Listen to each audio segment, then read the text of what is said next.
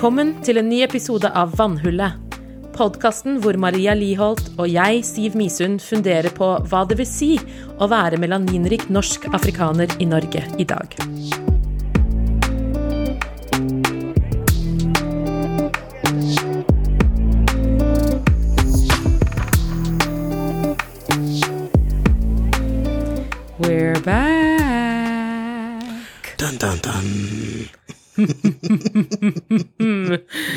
Ja, da var vi her da, Maria.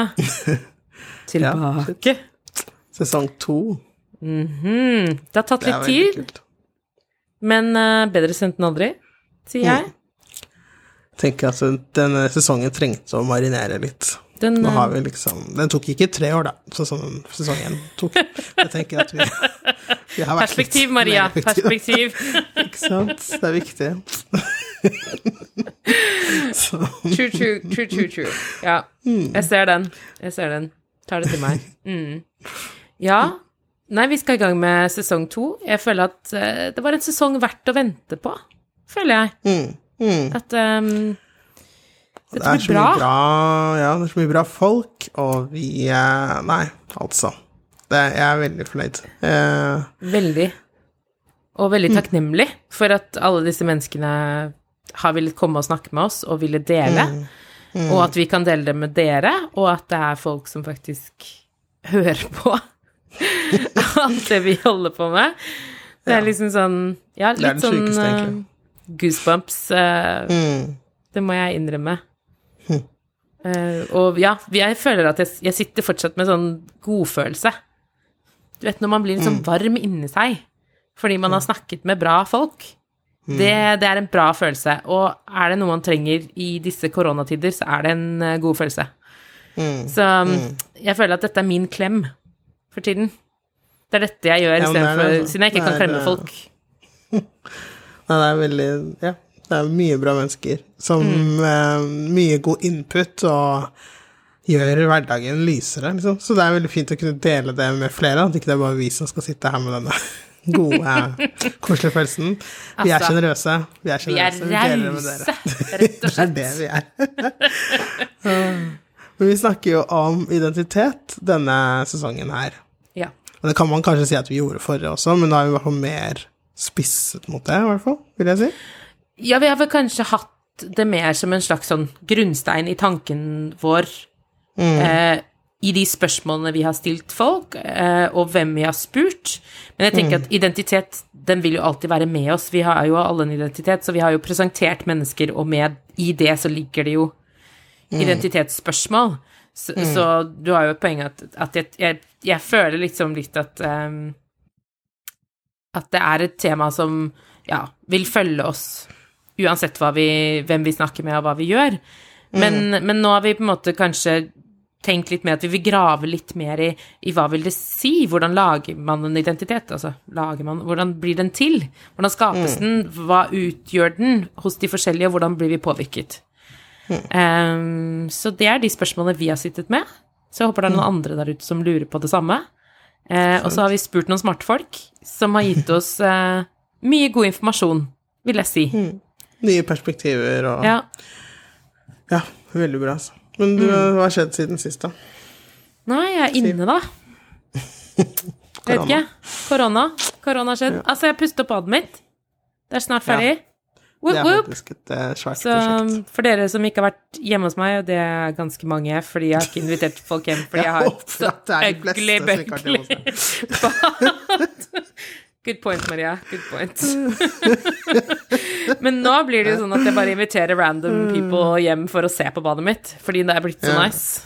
Det er ikke sånn vil du bli med meg hjem og se på frimerkesamlinga mi. Nope. Det er- Det er badet. Du vil se på badet mitt. Ja. Mm.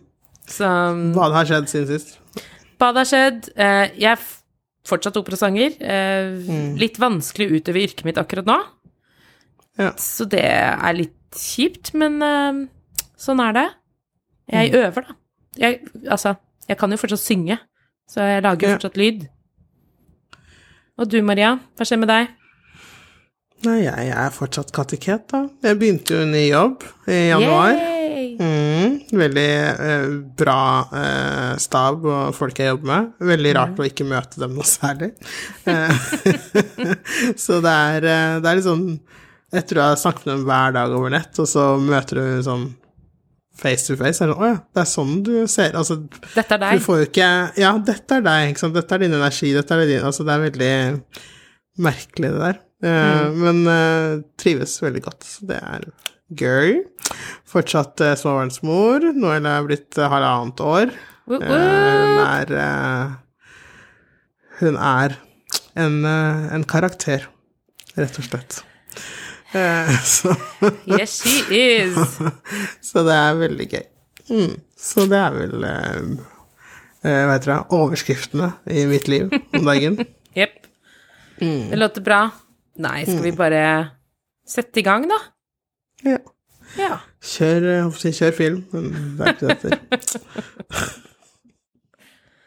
Kamara Kristina Lundestad Joff er født i 1988 og er en norsk-gambisk scenekunstner, dramatiker og forfatter. Hun er autodidakt og har ingen formell utdannelse etter endt videregående skole. Joff debuterte som dramatiker i 2015 med den selvbiografiske forestillingen Pavlovs tispe, som hun lagde i samarbeid med regissør og dramaturg Kai Johnsen. Fra 2007 til 2018 var hun med på å lede og bygge opp barne- og ungdomsteatret Den mangfoldige scenen i Oslo, sammen med Liv Hege Skagestad. I 2018 ga hun ut boka Jeg snakker om det hele tida, på Samlaget, som handler om norsk rasisme. Boka har kommet i syv opplag, rettighetene til boka ble kjøpt av Riksteatret og skulle hatt premiere 27. januar 2021, men ble innstilt av covid-19. Joff arbeider hovedsakelig dokumentarisk, ofte med temaene interseksjonalitet, dekolonialisering og normkritikk. Verkene hennes er satt opp i Norge, Sverige, Danmark, Tyskland og Italia. Moren er fra Mosjøen, mens faren kommer fra Banjul i Gambia. Joff er bifil og uttaler seg ofte om skeiv politikk. I perioden 2013 til 2018 bodde Joff i København, hvor hun jobbet med norsk kulturpolitikk, visuell og utøvende kunst. Hun flyttet tilbake til Norge da hun ble husdramatiker på en Dramatikkens hus i perioden 2018 til 2019. Hun har siden august 2019 vært fast helgekommentator i Dagbladet. I spalten skriver hun ofte om politikk, kultur og utenforskap. I 2019 ble Joff oppnevnt som rådsmedlem i Rådet for norsk kulturråd, og i 2020 tok hun over som leder for faglig utvalg for scenekunst. Fra 2021 er Joff husdramatiker ved Nationaltheatret. Kamara Lundestad Joff, velkommen til oss. Altså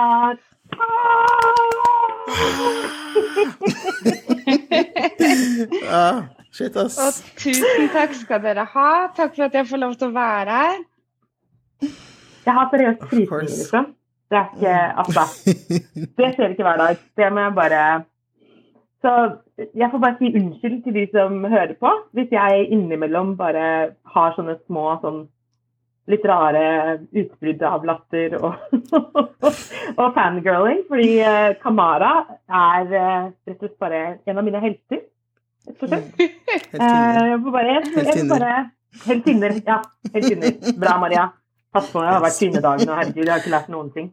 Ja, ja. Um, ja, altså Mm. Jeg må bare si Jeg har sett deg live eh, snakke i forskjellige og, og gjøre monologer og en del sånne ting. Og så har jeg selvfølgelig lest boken din, som ja, den traff meg bare midt i magen, rett og slett. Jeg kan ikke beskrive det på noen annen måte enn at den var bare uh, Jeg kjente meg igjen. Eh, jeg så ting på en ny måte. Den, den satte ting i perspektiv. Det var så mange ting som kom opp for meg. Har du ikke lest den, les den med en gang. Mm. Ja, ja. Altså, let me be clear. Nå, gå, kjøp den, les Og det at den er på nynorsk, det er ikke noe unnskyldning. Det er uh, mm -mm. Altså, Ja, men så for jeg, Det gjør den bare enda der, «Å, vakrere». Nynorsk eh, er ikke helt meg, men det, jeg tenkte ikke på at det var nynorsk da jeg leste den, og jeg tenker det er mange som er som meg der ute. Så just read it. Do it. Rett og slett. Ja, men som Siv sier, at det er, det er så mange av disse, eh, disse innblikkene, eller disse øyeblikkene, som kommer sånn Eh, det, ja, det var som å være i Ja, se litt sitt eget liv, da, i sånne øyeblikk. Og oh, I could listen to this all day. Nei, ja. altså. Dette er podkasten kan være å høre på skryt fra Siv Marie. det er ingen andre hvor mye jeg trenger det, altså. Oh, nei, altså det, er jo, det er jo noe utrolig sånn husker det var en så utrolig delt prosess å gi ut den boka. Det var så sinnssykt mye motstand i meg selv når jeg skulle gi ut det. Jeg snakker om det hele tida.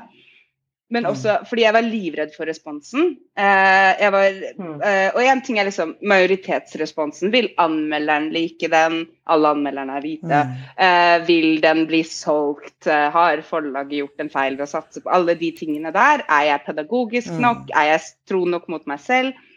Men jeg var mm. bare så utrolig redd for å få liksom sånn Det er jo ikke sånn at vi har en sånn uh, Minorities of the Night Unite-konferanse en gang i året hvor vi velger talsperson. Uh, så bare sånn Du tar den nå! Og så kommer Guro Sibeko, vi slenger kvakkeren videre til Johan Ratman. Altså, så jeg var jo kjemperedd også for at jeg skulle snakke på vegne av så mange som ikke hadde bedt meg om det, men også tenk hvis mine mm. relevanser var, altså mine erfaringer egentlig bare var så private, så navlebeskuende at det ikke hadde noen funksjon for noen andre enn meg selv. At man ikke klarte å skrive noe som gikk utover en selv. Så det var kanskje det jeg var mest redd for, å få en sånn smekk på lanken. Sett deg ned, du vet ikke hva du snakker om. Eh, men mm når responsen kom, og den var så overveldende positiv fra ulike minoritetsmiljøer som kunne kjenne seg igjen, så ble jeg liksom først utrolig letta, og så sinnssykt trist. Bare så fryktelig, mm. fryktelig trist over at det var At det lindret en ensomhet i meg å få adressert disse erfaringene høyt og høre at jeg ikke var paranoid, at jeg ikke var alene. Og det at det på en måte mm. lindret en ensomhet til noen andre, men også bare så uendelig trist. Spesielt når 16-åringer skrev 'Det er som at du beskriver livet mitt', og jeg bare Fuck, are we still ja. dealing with this shit nede på ungdomstrinnet? Mm. Klart de gjør, men allikevel, da. Så det, jeg vet ikke, jeg ble håpefull, og så knuste ja. det masse håp samtidig. Mm. Mm. Jo, men altså, den dualiteten tenker jeg er veldig reell. Eh, og ja, usikkerheten. Og det er jo godt å høre at du også, som jeg ser på som en slags superkvinne, eh, har de usikkerhetene. Som, jo, som du sier, selvfølgelig har man det. Man, man, skjønner jo det med hodet sitt, men kanskje ikke alltid med hjertet. da. At man eh, Vi er alle usikre og, og, og, vet ikke, og vi trenger den bekreftelsen. Jeg bare tenker det at vi også setter ord på hvor mye det at du har, har skrevet denne boka, har betydd for oss og faktisk mm. si det høyt. Og, og, og, og, også være spesifikke, tenker jeg da, i vår tilbakemelding om at, at, for meg så er det ikke det er jo ikke bare historien og at jeg kjenner meg igjen, men det er hvordan du bruker språket, hvordan du maler et bilde. Altså Jeg føler at jeg er der, jeg ser det. Jeg ser endringene som skjer med deg. Og det får mm. meg til å reflektere over hva en del sånne episoder har gjort med meg. Eh, og til jeg tenker at bare det er så utrolig sånn ringer i vann, da. Som man ikke engang kan forestille seg. Eh, at man kan lage når man setter seg ned og skriver, og, eh, og får en kraft. Det er i det. Mm. Jeg tenker at det er virkelig åh, Det betyr så mye at du eh, kommer og snakker med oss, og at vi får lov til å bare bare ha denne samtalen, og vi er jo så vidt begynt, så jeg gleder meg helt ellevilt. Um, det for det du sier nå, er jo mye av det For det du sier nå, er jo veldig mye om liksom, det som jeg har lurt på. Hvordan tenkte du at du skulle lage en sånn Altså, hvor kom denne trangen til å skrive akkurat denne boka fra? Nei, den kom Altså, den var veldig delt. Uh, jeg hadde egentlig ingen trang til å skrive denne boka whatsoever. Jeg hadde nettopp blitt ferdig med en turné med da et også selvbiografisk materiale. Et teaterstykke jeg skrev som het 'Pavlovs tispe'. Uh, som var um, en, en, form for sånn standup-forestilling som liksom lekte med denne sjangeren. Hva skjer når et menneske står opp og sier noe? Hvordan blir det mottatt? Hvordan uh, former altså litt sånn, altså Pavlos hunder, kondisjonerte mm. eh, respons. da, Hvordan former verdens reaksjon på min kropp meg, og min reaksjon på meg selv. Ja. Men med utgangspunkt i humor, da. var det den gjorde. Hvem får lov til å le av hva? Så det var egentlig jeg som sto liksom og fortalte Ja. rasistiske vitser på scenen for å gjøre publikum ukomfortable med om de fikk lov til å le eller ikke. I stor grad. Mm. Um, men den spilte jeg 207 forestillinger av på et år. Uh, Eh, og det Ja. for vi, liksom 26 000 videregående elever, og jeg spilte den både i Danmark, Sverige og Norge. Veldig store ja, forskjellige Ja. reaksjoner på hvordan man tar imot en rasistisk vits der, altså. Um, det er interessant. Ja, men da etter hver, etter hver forestilling så hadde jeg en 20 minutters ettersamtale med publikum, med ungdommene, for å snakke om kontekst, Mm. språkbruk, eh, for å svare på Mm. spørsmål og for å stille dem spørsmål. Og en av etterkonsekvensene av å reise rundt til liksom den aldersgruppa, som er liksom en sånn sårbar aldersgruppe, som sitter inne med Mm. veldig mye og er ekstremt isolerte, uten korona, liksom, bare isolerte, Ja, ja. så Mm. fikk jeg en sånn enorm respons at siden jeg hadde åpnet opp noe, så åpnet de også opp. Så jeg fikk liksom åh, så mange e-poster, messengermeldinger, hvor folk fortalte om ulike typer traumer, men da spesifikt også rasistiske traumer. Hva gjør jeg når det er læreren som vitser i klasserommet? Læreren er med Mm. på det, hvem kan jeg gi beskjed til da? Altså en sånn enorm ensomhet som bare egentlig sendte meg inn i en ganske sånn tung depresjon av at jeg bare ikke strakk Mm. til. Og at jeg ikke var psykolog, at jeg ikke var krisebearbeider, at jeg ikke Altså jeg bare en dum kunstner som hadde reist rundt og satt i gang et leven, liksom. Um, og så begynte jeg å skrive på andre ting, og så trengte jeg bare liksom en pause. Dro på ferie til Sør-Korea og Tokyo med lillesøsteren min og bare I'm out. Eh, og så kom jo da forlaget mitt med dette bestillingsverket, for det var jo det det var. Eh, Norsk Ja. Røyndom var en serie de ville sette sammen, hvor de spurte liksom en rekke skribenter eller forfattere, i mitt tilfelle dramatiker, om å skrive en bok inn i den serien. Og da sa de til meg at du kan skrive om akkurat hva du vil. Eh, være det Mm. utenforskap eller norskhet eller tilhørighet eh, eller rasisme. Akkurat hva du vil, altså. Føl deg helt fri. Og jeg bare Det var skikkelig Mm. fritt. Takk skal dere ha.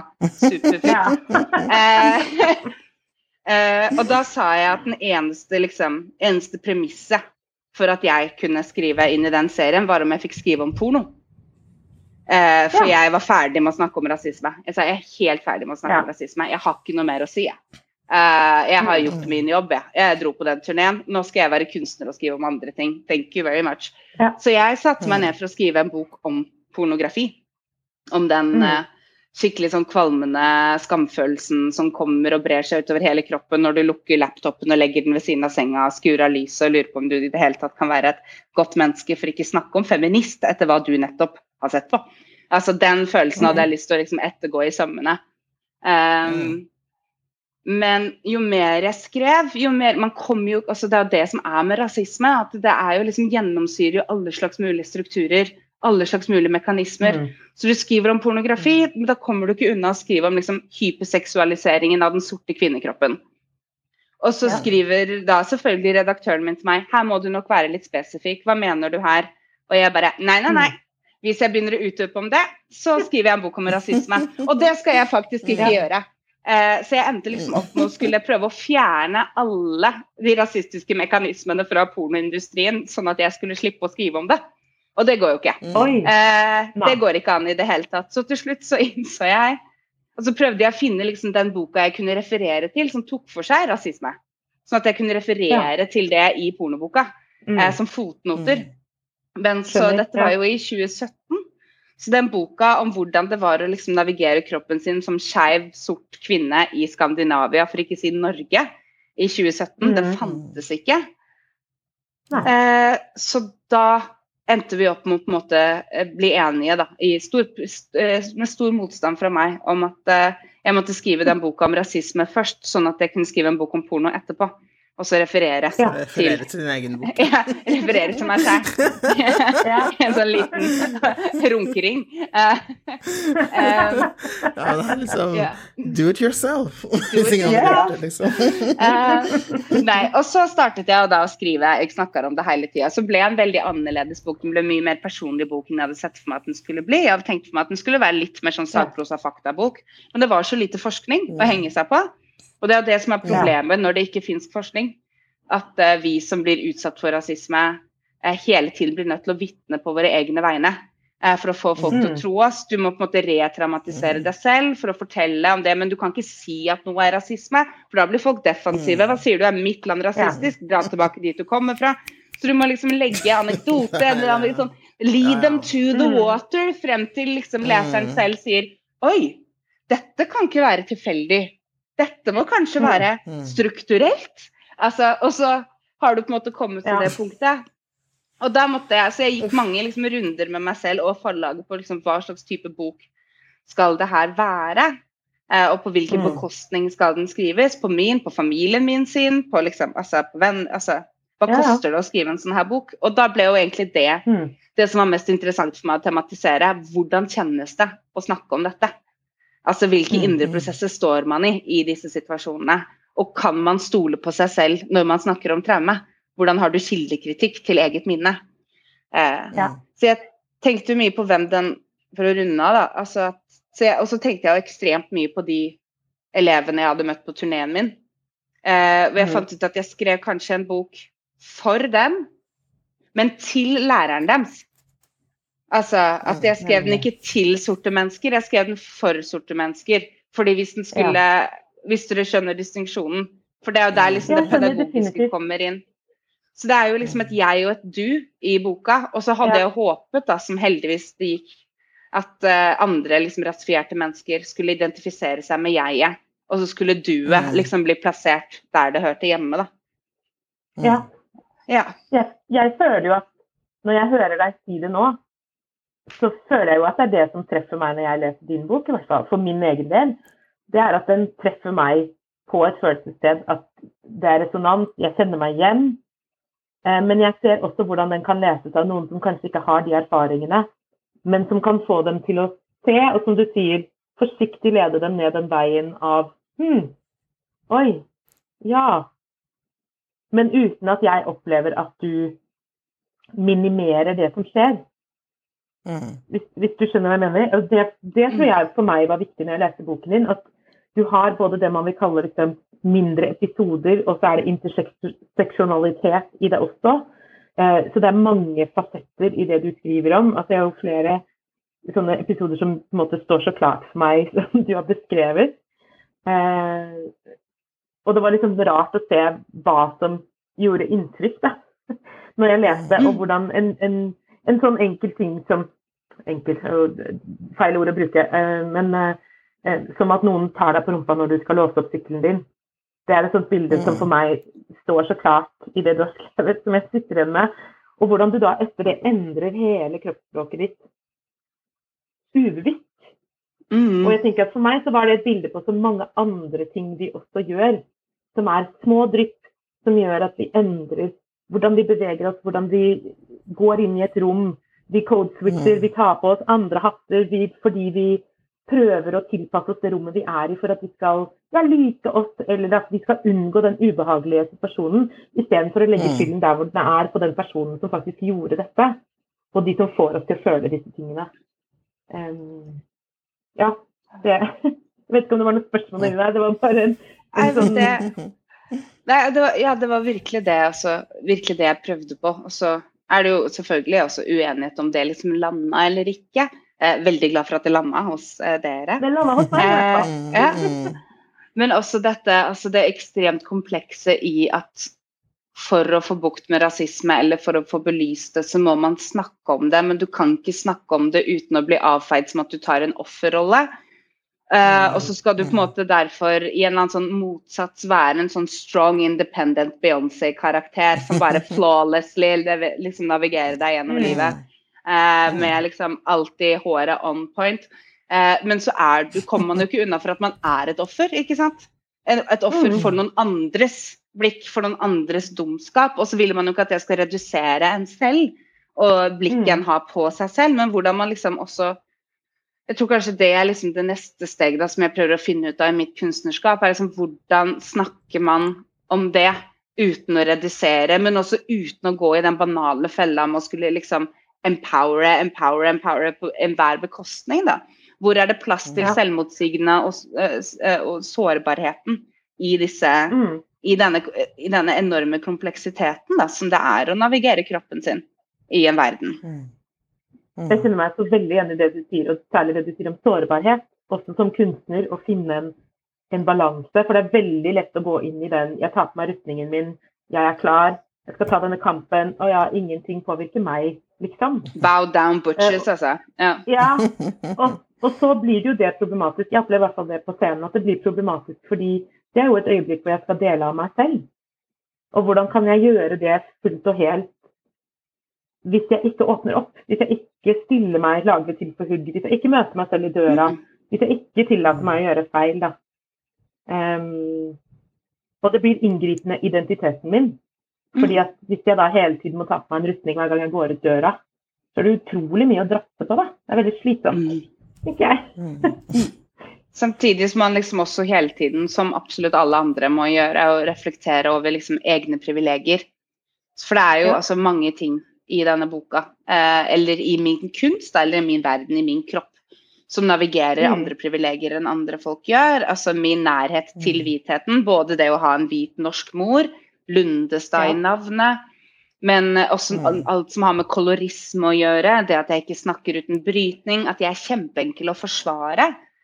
Jeg er en av de enkleste menneskene å forsvare i norsk samfunnsdebatt, tenker jeg. For hver gang liksom det rasistiske grumset kommer i kommentarfeltet, og noen sier 'kom deg tilbake', utakknemlig, altså, så er det alltid en ja. som hopper inn og sier 'hvor skal hun dra'? Til Bodø?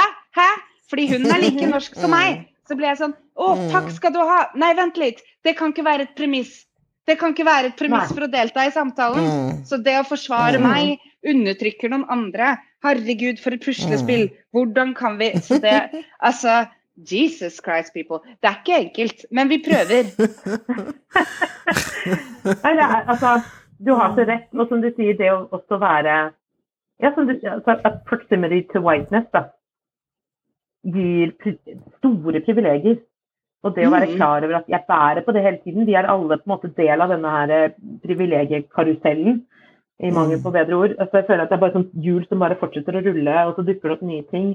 Og Det er jo det jeg også synes er interessant med det du skriver i boken din, at det er hvor man møter seg selv um, i døra på noen ting som man kanskje har sluppet billig unna på før. da. Mm. Og så man plutselig skjønner at oi, shit, blindsone. Enorm blindsone. Plutselig, altså For meg så er det litt sånn den reklamen med han trailersjåføren som åpner døra, så står det liksom 40 syklister bak der som han ikke så. Ja. Um, jeg tenker litt på det som det, da. At jeg bare plutselig så åpnet jeg den døra. Oi, oi, hei! og her følte jeg at jeg var en forkjemper for eh, alle, og jeg står på barrikaden, og jeg har en idé om hvem jeg er, som er en del av min identitet. Og så skal jeg mm. kanskje akkurat nå bare sette meg ned her borte. Ja. Mm. ja. Jeg tror som traff meg veldig, eller som kjente meg veldig igjen i boken din, er du skriver om eh, det å ikke sette seg ved siden av andre brune på bussen. For at du er mm. ikke en av dem, eller du er ikke sånn. Du er liksom litt Du har jo Lundestad i navnet, type, ikke sant? Og sånn eh, Den tankegangen der har jeg vært så Har jeg hatt selv, og skammet meg så veldig over. Og da jeg leste Eller så at du hadde skrevet det, så jeg var sånn Å ja, ok, det er ikke bare Eller det var så godt da, å se at det, eh, det har vært i andres hoder også. Eh, og så eh, er det liksom en, en, prosess man jobber seg gjennom, liksom. Men det, den mm. traff meg veldig, for det er liksom noe jeg liksom ikke har turt å si høyt i det hele tatt. For jeg har vært så livredd da, for å bli sammenlignet. For at det, de er jo sånn, mens jeg er jo noe helt annet. Så du må liksom alltid huske på at jeg, jeg heter jo Liholt, liksom. Og eh, jeg har nordlandsbunad, og jeg er jo innafor, ikke sant. Eh, og alle disse tingene her. Så det var bare så Nei.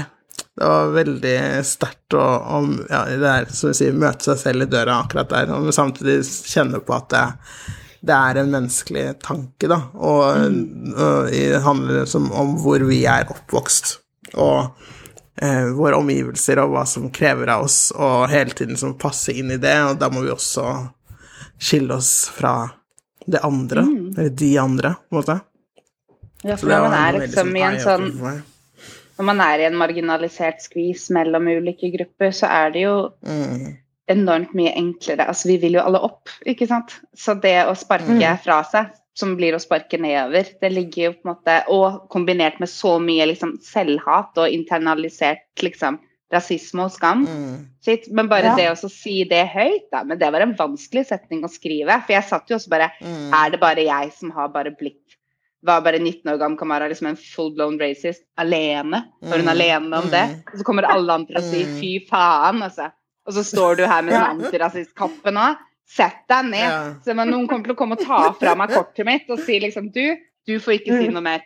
Eh, så det Så igjen, da. Glad for at det var flere enn meg. Så trist. Mm, mm. Så, så trist. Ja. Ja, ikke sant.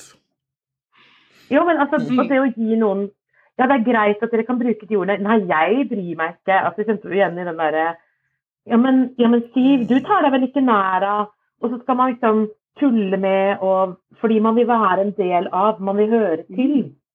Eh, og jeg tenker at særlig når man er i ungdom, og som du sier at det er noe trist ved at vi alle kjenner oss igjen i de historiene dine. Samtidig så er det en trøst å vite at man ikke er alene, og hvor viktig det er i en identitetsdannelse, tenker jeg spesielt.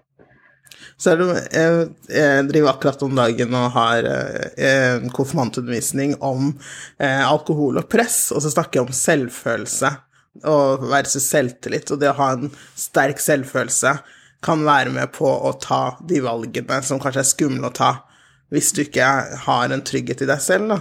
Ikke? Sånn tenker jeg, og så er det litt i det vi snakker om. Det liksom, min selvfølelse på det tidspunktet hvor jeg ikke vil sitte med andre brune, var veldig lav. så da tok jeg et valg av frykt for å ikke passe inn i min gruppe. Så tok jeg valg som jeg visste var feil. Eller jeg tenkte ting som jeg visste var feil for meg å tenke, men det var det trygge å gjøre, da. Eh, tenker jeg liksom litt den samme mekanismen som foregår her, som når en ungdom spør om eh, du skal ha alkohol, og du er vill egentlig, og du syns det er skummelt, eller Ikke sant? Men mm. har man den tryggheten i seg selv, og, og vet hva en selv ønsker og vil, og sånn, så kan det være lettere, tror jeg, da, å ta disse riktige, gode valgene. Ja.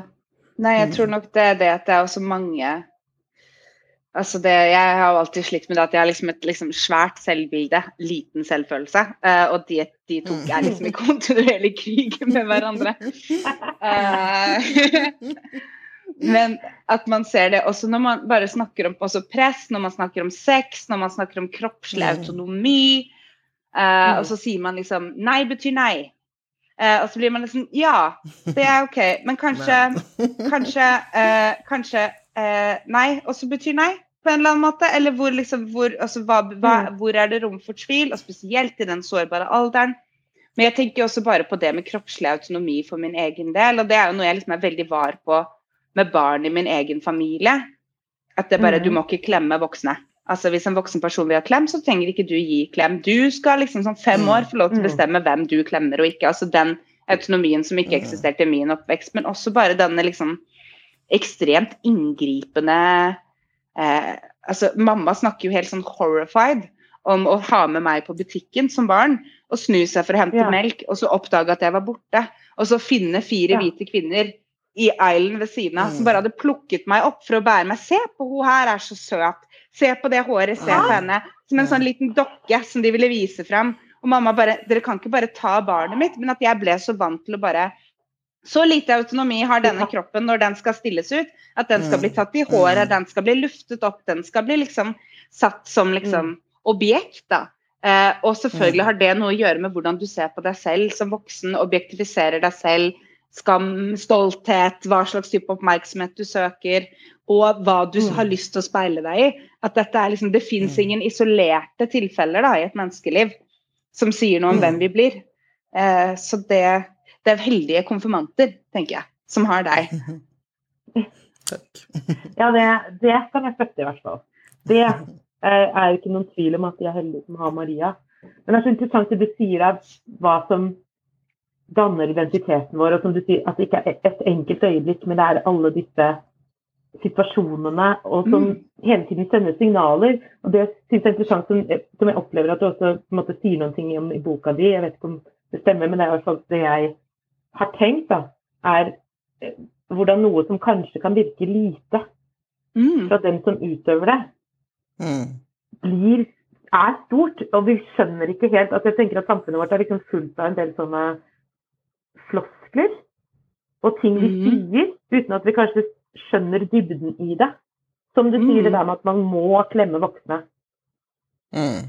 Eh, For jeg må innrømme at jeg digger det når jeg møter små barn som har mye personlighet, og som er helt tydelige på sine grenser. Og så ser jeg at det er en del voksne som er sånn, de unnskylder eh, at barnet kanskje ikke vil klemme deg, eller går, eller sier nei, eller liksom. Men jeg syns det er eh, flott. Så jeg blir litt sånn glad når jeg bare Å, så kult. Ja, de er allerede Ja, nei, han, er, han kommer ikke til å liksom He's taking no crap. He's like I don't know you. Eh, det var en venninne av meg som jeg ikke hadde sett henne på kjempelenge, eller ikke sett sønnen hennes på kjempelenge. Og så, og så sier liksom hun at ja, men jeg er syv, og, sant? og han var jo fire. Han husker ikke sist han så meg, han. Sant? Jeg tenker det er helt Mm. naturlig. Eh, og han, han var sånn Ja. Altså, det var helt tydelig at han vurderte denne situasjonen. Han var ikke helt overbevist om hva han kom til å gjøre. Og så bestemte han seg for at nei, jeg er ikke overbevist om at jeg Jeg hører at dere sier at jeg kjenner henne, men jeg tror ikke jeg gjør det. Mm. og han tok en beslutning. Og så så jeg at hun ble litt flau. Hun ble litt sånn Nei, men ikke- Og så sa jeg bare Men det er jo helt OK. Det er klart han ikke husker det. Jeg syns jo bare det var gøy. Mm. Men jeg tenker at vi er veldig kondisjonert av samfunnet til å tenke at det er feil fordi han er et barn, og han skal bare bli glad når han ser en voksen som har lyst til å agere med han eller gjøre noen ting. Og han er litt rar fordi han sier ifra og er tydelig på hva som er OK for ham. Men jeg reagerer sånn at jeg syns det er bra at, eh, Mm. at han er så tydelig, da. La han få være feil. Mm. Jeg tenker det spinner ut på altså Det er liksom to ting i det du sa nå. Altså det ene er på en måte at det Som er liksom utfordrende når man snakker om rasisme, eller når man snakker om denne type tematikk. Da, altså at det er ikke små Mm. enkelthendelser. For jeg ser jo det liksom i boka mi at, eh, at det er veldig mange som har lest den, som antar Som ikke forstår, da, eller som kanskje begynner å forstå utover i boka, at jo, jo, det var helt forferdelig, ulovlig, objektivt grusomt at jeg ble banket opp av nynazister da jeg var 14. No Mm. Er det det som har Mm. størst påvirkning på meg i min hverdag, i hvordan jeg navigerer kroppen min i livet? Nei, overhodet ikke. I veldig liten, i veldig liten grad. Selvfølgelig noe liksom eh, angst som sitter igjen, og frykt, noe Men altså Det at jeg aldri drikker Ja. meg så full. Men, mm. men det er jo mange av disse små mikroaggresjonene som i mye større grad er relevant for hvordan jeg navigerer, navigerer kroppen min i løpet av en arbeidsdag. Men når man prøver å forklare det, så høres det plutselig ut som at hva, Mener du at min klønete kommentar var verre enn en nynazist? Det er ikke det jeg sier. Det er ikke det jeg sier. Jeg sier bare at summen av ikke sant? Altså, Hvordan snakker man om disse tingene? Mm. Og Det handler jo igjen om altså det at når noen blir flau, eh, når noen sier nei eller setter en grense, det handler om ubehag. ikke sant? At disse situasjonene, ja. disse samtalene, grensesetting, eh, Mm. problematisering, er ekstremt ubehagelig. Og det tror jeg kanskje er den største liksom, leksa jeg har lært selv, som jeg egentlig ikke lærte før etter at jeg hadde skrevet den boka her, tror jeg. At Ja. viktigheten i delt ubehag.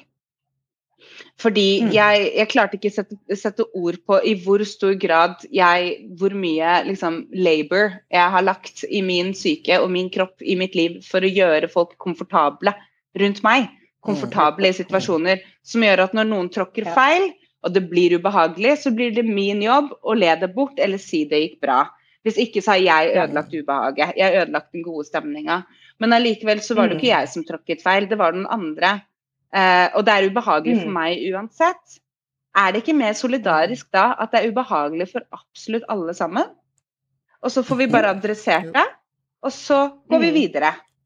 Men dette må være ubehagelig for alle for at vi skal få noe ut av dette. For, for meg er det ubehagelig Mm. uavhengig.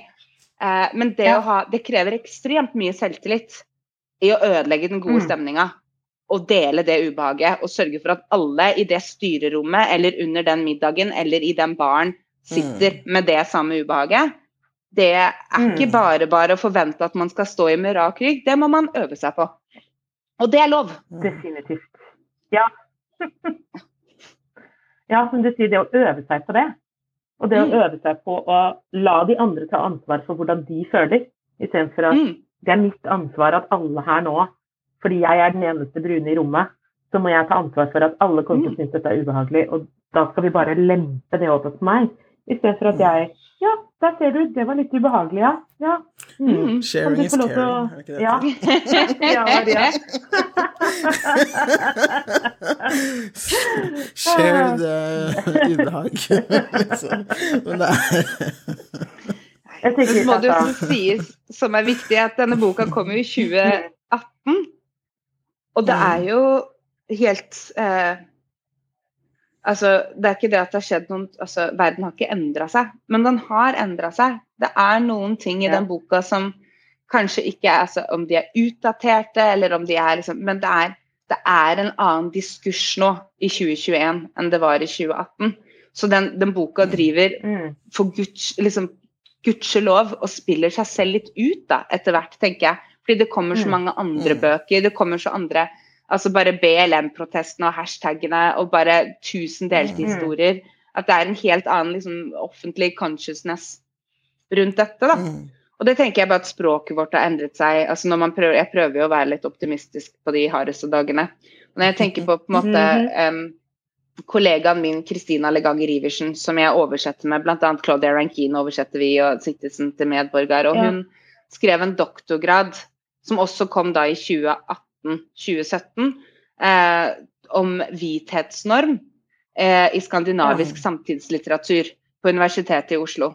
mm, Eh, og når Kristina brukte ordet hvithetsnorm i tittelen på doktorgraden sin, som hun da startet på i 2016, var det, så var det ingen som Mm. skjønte hva det betydde.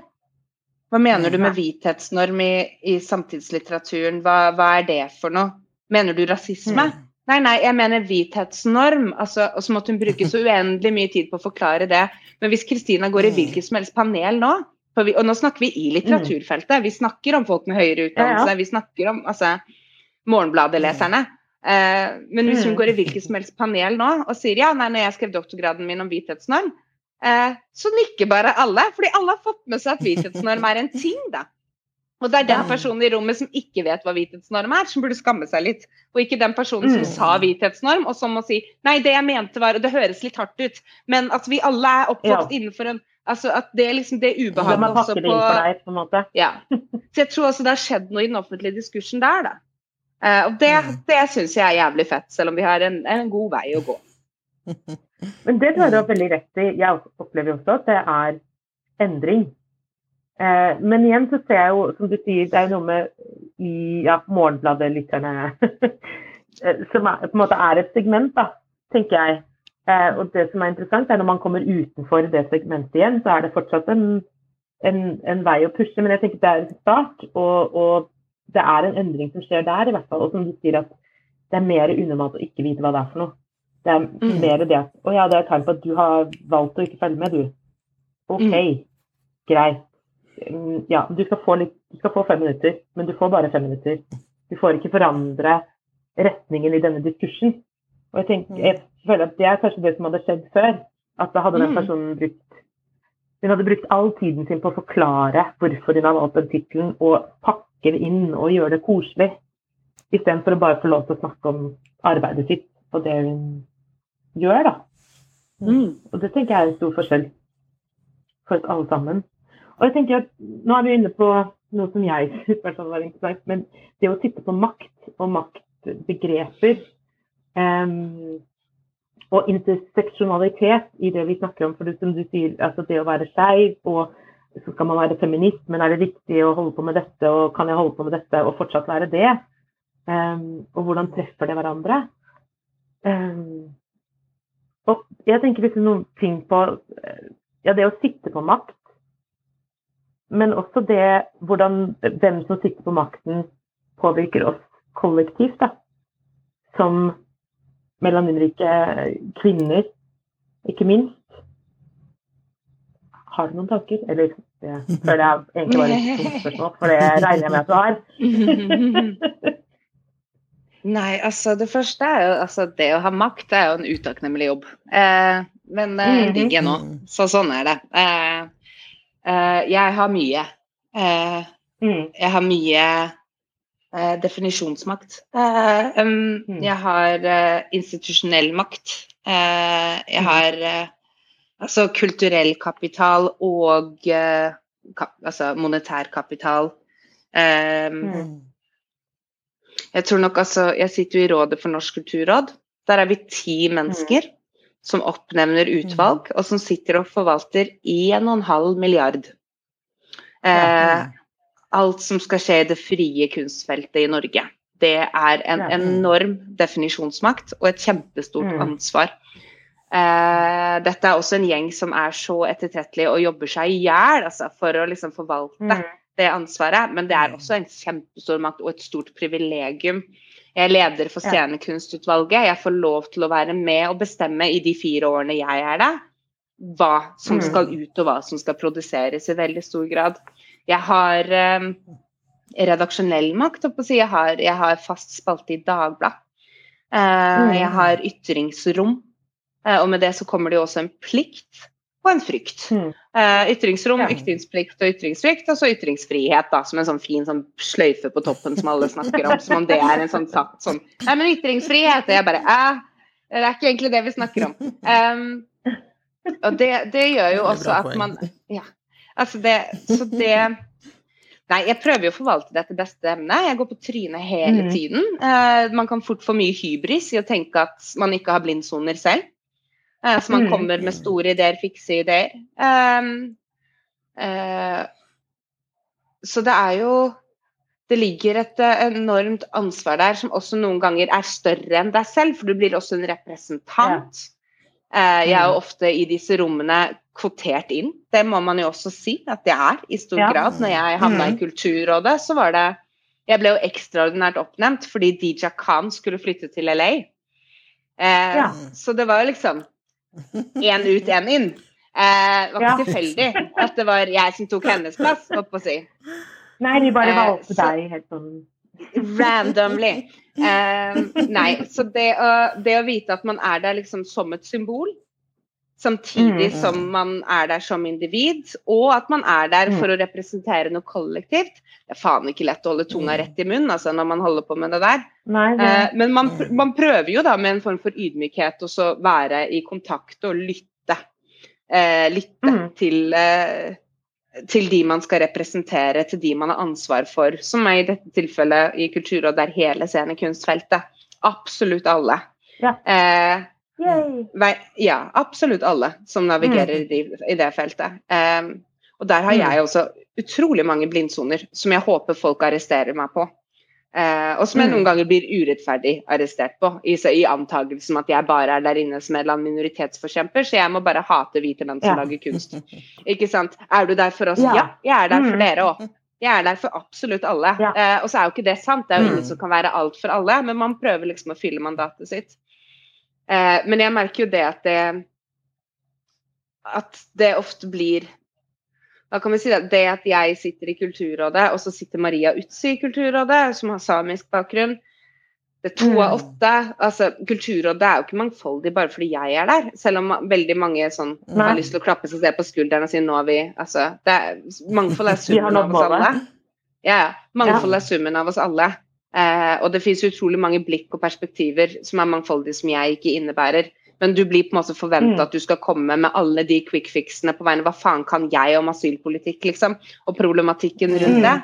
Eh, og så kan jeg, Mm. som alle andre, lese meg opp og gjøre jobben min. Ja. Eh, og det gjør jeg. Jeg leser meg opp på ting jeg ikke kan noe om, og gjør jobben min. Eh, men denne ideen om at man bare kan gå inn i disse rommene og endre ting, og se liksom hvor lang tid det tar, da, det, det skremmer vettet av meg. For jeg er veldig redd for at jeg skal bli tålmodig. Og bekvem. Mm. Og trygg. At ting, Ja. altså, at ting ikke brenner for meg like mye, fordi Mm. jeg har fått en Altså, jeg har gjort en enorm klassereise. Altså, Ja. det er ikke det at jeg er styrtrik på noen som helst måte, men når du har liksom en uføretrygda mor, en uh, minstepensjonistfar, så har jeg plutselig en årsinntekt som er større enn foreldrene mine sin sammenlagt. Ja. Det, det å navigere det, Ja. og det å plutselig bli klasseblind Mm. selv da, i Oslo, uh, er også Mm. en ekstremt viktig ting å liksom sjekke seg selv på. Uh, og så er jo kulturlivet generelt bare består av veldig mange øvre middelklasse, middelklasse uh, Ja. segment. Da.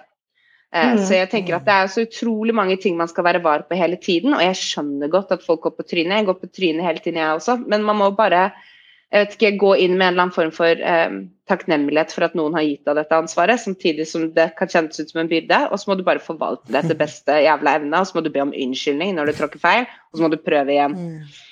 Og så må du gi deg på et eller annet tidspunkt. Mm. Altså at du må, du må, passe, du må flytte på deg. Det gjelder meg Ja. også. Jeg må kontinuerlig Du må flytte ikke bli på meg. sittende. på Jeg må ikke Ja. bli sittende. Og jeg merker jo det at jeg ofte får altså, jeg får veldig mange forespørsler om å sitte i styrer, f.eks. For eksempel, fordi man Ja. blir et synlig navn. Eh, Mm. og det Én ting er det at jeg kan ikke jobbe meg selv i hjel, jeg kan ikke være overalt, men jeg burde ikke være overalt, fordi jeg har også bare ett perspektiv.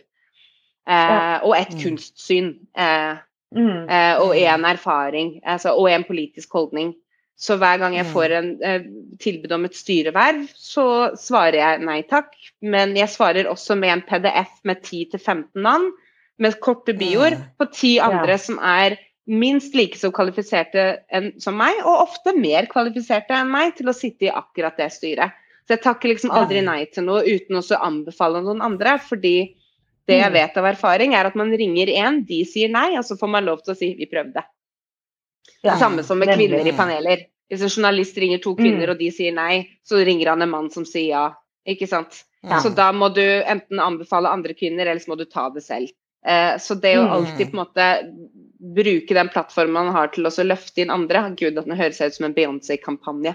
Eh, men at det, det Ingen fare At det er lov. ikke ditt vedtatt. Mm. Nei, men at det, det i hvert fall prøve å være var på de tingene der, det er viktig. Men det må jeg også minnes Mm. på.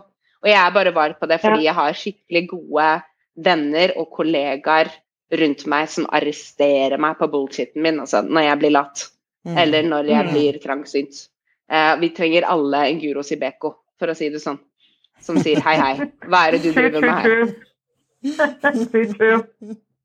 Det er veldig sant. Og som du sier, altså det, det er jo samhold i det også. Det er jo en trygghet i det å vite at du har folk som er villig til å se deg og hele deg med feil og mangler, eh, og si det til deg. Altså, Mm. Si det til, um, to your face, liksom. Og ikke Ja. bak ryggen din, som jo er på en måte et annet alternativ som dessverre kan skje, da, istedenfor. Og det, Mm. jeg syns det er veldig interessant det du sier om at du ikke vil bli komfortabel, og at den Vil du si at liksom det å kjenne på en viss form for uro, at det haster litt, Mm. er en bra ting i Er det noe du også bruker i kunsten din? Å ja, helt klart. Jeg tror nok altså, jeg skulle ønske at flere kjente på det, kanskje. Uh, nei, jeg har, jeg har jobbet mye med mangfold og publikum, og altså, jeg har gjort uh, veldig mange ulike jobber i kulturlivet før jeg ble Mm. kunstner selv. Uh, rett og slett fordi jeg var ikke villig til å studere, for jeg turte ikke være blakk. um, så jeg ville være sikker på at jeg kunne tjene penger på det her før jeg gikk inn og tok liksom en femårig utdannelse som kosta meg penger, og så Mhm. kom ut og ikke tjente penger. Ja. Altså det var bare Mhm. Altså, for min gambiske familie, en no go. Du skal ikke klatre lenger ned på det hierarkiet her. Det er ikke sånn det funker med den norske drømmen. Eh, men, men at jeg alltid har vært veldig var på at altså, man sitter i disse rommene Man er på konferanser, man hører liksom folk holde tordentaler om mangfold, om hva vi må gjøre, om hvor vi må komme, og de har noen ganger litt sånn uthula så korrupt motivasjon at man snakker om det ut ifra disse stakkars menneskene utenfor. Vi skal få dem inn. Vi er venstresida, Ja. vi er gode. Vi skal ta vare på dem. Mm. Dette er urettferdig. Uten at det de burde forstå når de står og snakker om mangfold, er at de burde være reelt redde for sin egen jobb. For de Mm. driver og utspiller sin egen relevans ved å ikke klare å holde tritt med tida. Eh, Men når du spør Jeg hører liksom Du sitter med ti, ti museumssjefer, og så sier Mm. du på en måte Jeg hører at dere sier at dette er veldig viktig, og at det er skikkelig viktig for dere med mangfold, og at det er helt skandaløst at det ikke er mer mangfoldig ledelse i museumssektoren. Opp med hånda hvem som er villig til å slutte jobben sin og gi jobben sin til noen andre. For det fins Mm, bare så og så mange museumer akkurat nå. Mm. Så hvem skal være den som ansetter hvem? Ja. Mm. Og det er jo det at for at noen skal få plass, så må noen flytte på seg også. Og jo da, vi Mm. vil jo gjerne liksom bare lage en sånn, altså, som en, sånn kapitalistisk eh, eksponelt, bare økende vekst, vekst, vekst, for det Ja. kommer mer, mer, mer, og derfor kan vi få plass til andre folk med ekstra budsjetter, kan vi jo få ansatt de med ekstra. Men det er ikke sikkert det Mm. fins mer penger, det er ikke sikkert det fins mer plasser. Så hva skal vi gjøre med Nei. de plassene som fins? Da må Ja. noen flytte på seg. Eh, og noen har flyttet på seg for at jeg er der jeg er, men det, min, største, min største frykt er at jeg skal bare bli sittende. Og Ja. så er det ingen andre som får sluppet til, da, for det holdt med meg. Og så Mm. har jeg så mange blindsoner at jeg ikke ser at det ikke holdt med meg. Si, Eller så blir jeg komfortabel, eller så begynner jeg å like det for mye. Og det er jo det. Det er jo makt. Eh, Det, det korrumperer. Vi vet jo det. Mm. Eh, men ikke Mm. meg. Ikke meg. Så da, nei. Så det å hele tiden liksom Ja, Mm. jeg er sånn. Så det, det å hele tiden være var på at liksom man er gitt en, en viss tid, eh, om det så er i et åremål eller i en posisjon, men også i, i type Mm. faste stillinger. Har man lederskap, har man maktposisjon, så føler jeg at man burde ha en indre uro på at når skal jeg flytte meg? Mm. Eh, at det må man være villig til å sjekkes på. og Hvis du ikke klarer å sjekke deg selv, så må noen sjekke deg. Og det er jo det som er skummelt. Jo mer makt man får, jo reddere blir man jo for at folk ikke sjekker deg. Fordi de er redde for konsekvensene. Ikke det at jeg er på Mm. vei til å bli en eller annen sånn diktator her oppe på min høye hest, men jeg er i hvert fall, jeg veldig var på at det Jeg tror det skjer fortere enn man aner, så man må være veldig, veldig var på det, da. Eh, fordi det, Det er det er så lett å tenke at det er så symbolsk viktig at jeg er her, at det, det trumfer alt. Det er ikke det. Det trumfer ingenting. Mm. Mm. Nei, så tenker jeg at vi alle kan bli offer for den tanken om at ja, men jeg utøver jo så mye godt, jeg har jo så mye gode Mm. intensjoner, jeg vil så mye Mm. bra, så det er flott hvis jeg får bare være her. Eh, og så Mm. har vi jo i, dag føler jeg at det er mye den der mentaliteten at eh, hvis du ikke liker det jeg gjør, så er det en hater. Sant? Mm. Mer enn at du er en kritisk stemme som kan Mm. like noen ting av det du gjør, og er kritisk til andre ting du gjør. Og er Mm. kritisk fordi man mener det er viktig. Altså Jeg opplever det du sier. Mm. Utrolig viktig det å tåle kritiske stemmer som er meningsmotstandere, og som kommer med reelle Det handler ikke om personangrep, det handler ikke om deg som person, det handler om hva er det arbeidet vi skal gjøre. Eh, Og det å kjenne på den uroen at, at ja, jeg kan ikke bare sitte her og det er kjempelett å bli complacent uansett hva du holder på med, og særlig Mm. jeg syns det er interessant som kunstner selv også at jeg, jeg som deg skulle ønske at det var mer uro. At vi mer eh, Men jeg skjønner hvorfor det er så lett å bli komfortabel. Ja. Og, og bare Som- tenke at ja, for man har jo også jobbet hardt for å komme dit man er. Man føler at liksom, det har kostet Og ting tar tid, så du må få tid til å gjøre det du skal. Samtidig som det kjennes jo altså etter dette året her, det er jo 12. mars i dag, det er ett år siden lockdown.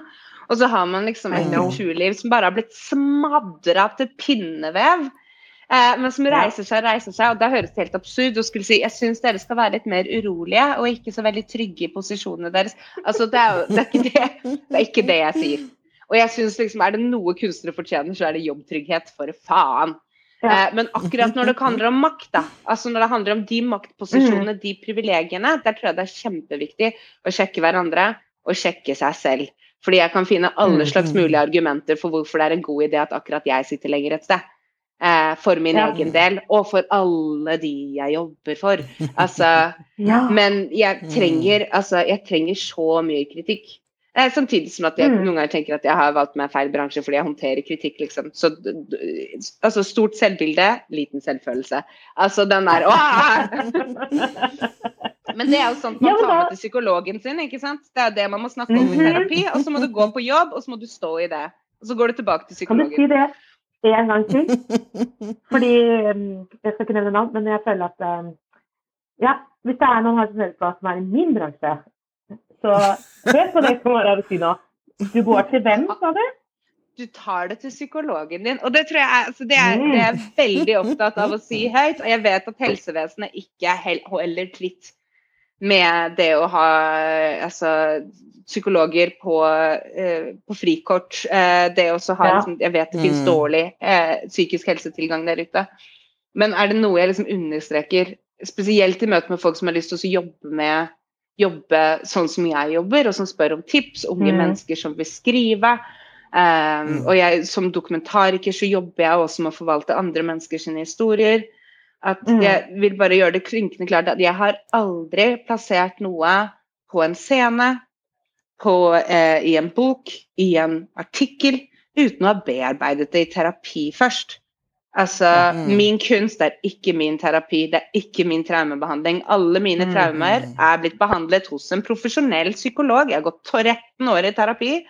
Altså hos en profesjonell psykolog mm. før jeg tar det ut for publikum, er heller ikke terapeuten min. Og det tror jeg er så viktig liksom, å være åpen og ærlig om. Eh, også spesielt når man jobber selvbiografisk med traume, som jeg gjør. At den, liksom, den etikken, den omsorgen, Eh, den, eh, det ansvaret jeg har for intervjusubjektene mine, eh, mm. den må jeg utøve overfor meg selv også. Ja. Som et eget mm. subjekt. Og det tok meg mange år å lære. Mm. Mm. At jeg måtte utvise den samme etiske omsorgen overfor meg selv som, objekt, nei, som subjekt som jeg gjør mot, mot, andre mennesker jeg jobber med. Da. Men det å bare mm. være helt ærlig på at liksom, ja, dette er hardt å stå i, take it to your therapist og kom tilbake på jobb. Altså, det må man også bare klare å ja. gjøre. Og så mm. finnes det grenser, selvfølgelig. Som vi ser jo med liksom trakassering av kunstnere, trusler, hets. Mm. Altså det å være samfunnsdebattant, at offentligheten er bare blitt et helt sjukt sted. Og jo, kunst ja. trenger motstand, kunst trenger kritikk. Eh, mm. Men det her, det som skjer nå om dagen, Jesus fucking Christ, dette er ikke OK. Ja. Der går det grenser. Da ringer du mm. politiet og ikke psykologen din. Altså, det, det fins ja. ja. ja. det er noen grenser og noen linjer der. Um, ja. Men bare så utrolig viktig det du sier, at, uh, at man trenger den bearbeidelsen. Man trenger å jobbe seg gjennom mm. ting. Uh, og også ja, og, og, og, ha noen som på en måte kan holde, holde, plass til alt det du er, da. Og alt det du går mm. gjennom, og alt det du Jeg tenker jo ofte det at hvis du altså Maria og jeg er jo veldig Vi har jo snakket om det på podkasten her også, men vi er jo veldig opptatt av mental helse. Eh, og det å si mm. høyt at terapi er så utrolig viktig. Vi bruker det mm. aktivt. Um, og rett og slett bare shout-out igjen til Bente, vår terapeut. Vi går da til samme terapeut. Eh, som bare Hun er verdt sin vekt i gull. Det er virkelig og, mm. Men jeg forstår de som, som du sier, det er, det er, mange grunner til at man kanskje ikke har mulighet til å oppsøke. Eh, ja. Og det er også noe vi trenger å kjempe for i samfunnet vårt. At det skal være lavterskel. Ja, men mm. også det at vi trenger også flere terapeuter med minoritetsbakgrunn. Eller minokompetanse, da. Mm. I så fall. Du trenger ikke ha Min psykolog nå har ikke minoritetsbakgrunn selv, men han har minoritetskompetanse. Og det var veldig viktig for meg å skulle finne en ny psykolog når jeg startet igjen for to år siden. Uh, rett og slett fordi mm. jeg har jo også i løpet av 13 år gått hos en rekke ulike psykologer. Uh, og noen ganger når man kommer for å snakke om altså rasistisk opplevde episoder, mm. så kan du, har det i perioder kjentes som at hva, hva, mener du med det? Er det? Men er det rasisme? Tror du det var Og så må man begynne å forklare. Mm. Og så kjennes det mm. som at jeg burde sendt en faktura eh, når ja. jeg gikk ut av den terapitimen. Fordi dette holder jeg mm. foredrag om, og jeg koster veldig mye. Eh, så det mm. mer enn den timen her. Eh, så det liksom også Og, og det å finne terapirom hvor du ikke trenger å starte fra scratch, sånn som du ofte trenger å gjøre i samfunnsdebatten. Da. Det er såpass viktig. Mm. Men da må man også liksom skape en kultur for at folk skal ønske å bli psykologer. Og for at liksom spesielt unge menn med minoritetsbakgrunn skal ville bli psykologer. Hvorfor vil de ikke mm. det? Vil de det? Altså, det, som, det, er så mange ting man må ta tak i her. Men det første er vel å bare ha åpenhet om psykisk helse. Mm. mm. Det tror jeg, jeg er liksom det, er, det viktigste. Det er en start, i hvert fall. Å ja. si det høyt, tenker jeg. Og så og som du sier, ja. Vi, vi er så heldige at vi har blitt kjent med to vanlige mannlige, svarte psykologer. Mm. og det er liksom Det er eh, Da vi skulle finne psykologer til, eh, til vår sesong én, så var det sånn hvor skal vi søke? Skal vi google 'svart psykolog'? hvor er vi? Hvordan går vi fra for å finne dette her? Liksom? Ja, hvordan skal vi finne disse, da? For noen sier at det, jeg var sånn Ja, fins det egentlig? Har vi sett den Aldri liksom ikke sant? Og selvfølgelig så har ikke jeg sett alle psykologer i verden, men det er, ikke, de, det er ikke noen som du ser veldig tydelig eh, i media, eller ikke sant? Da har du dine Peder Kjøs og andre folk, liksom, som er veldig tydelige. Eh, så det er veldig Ja.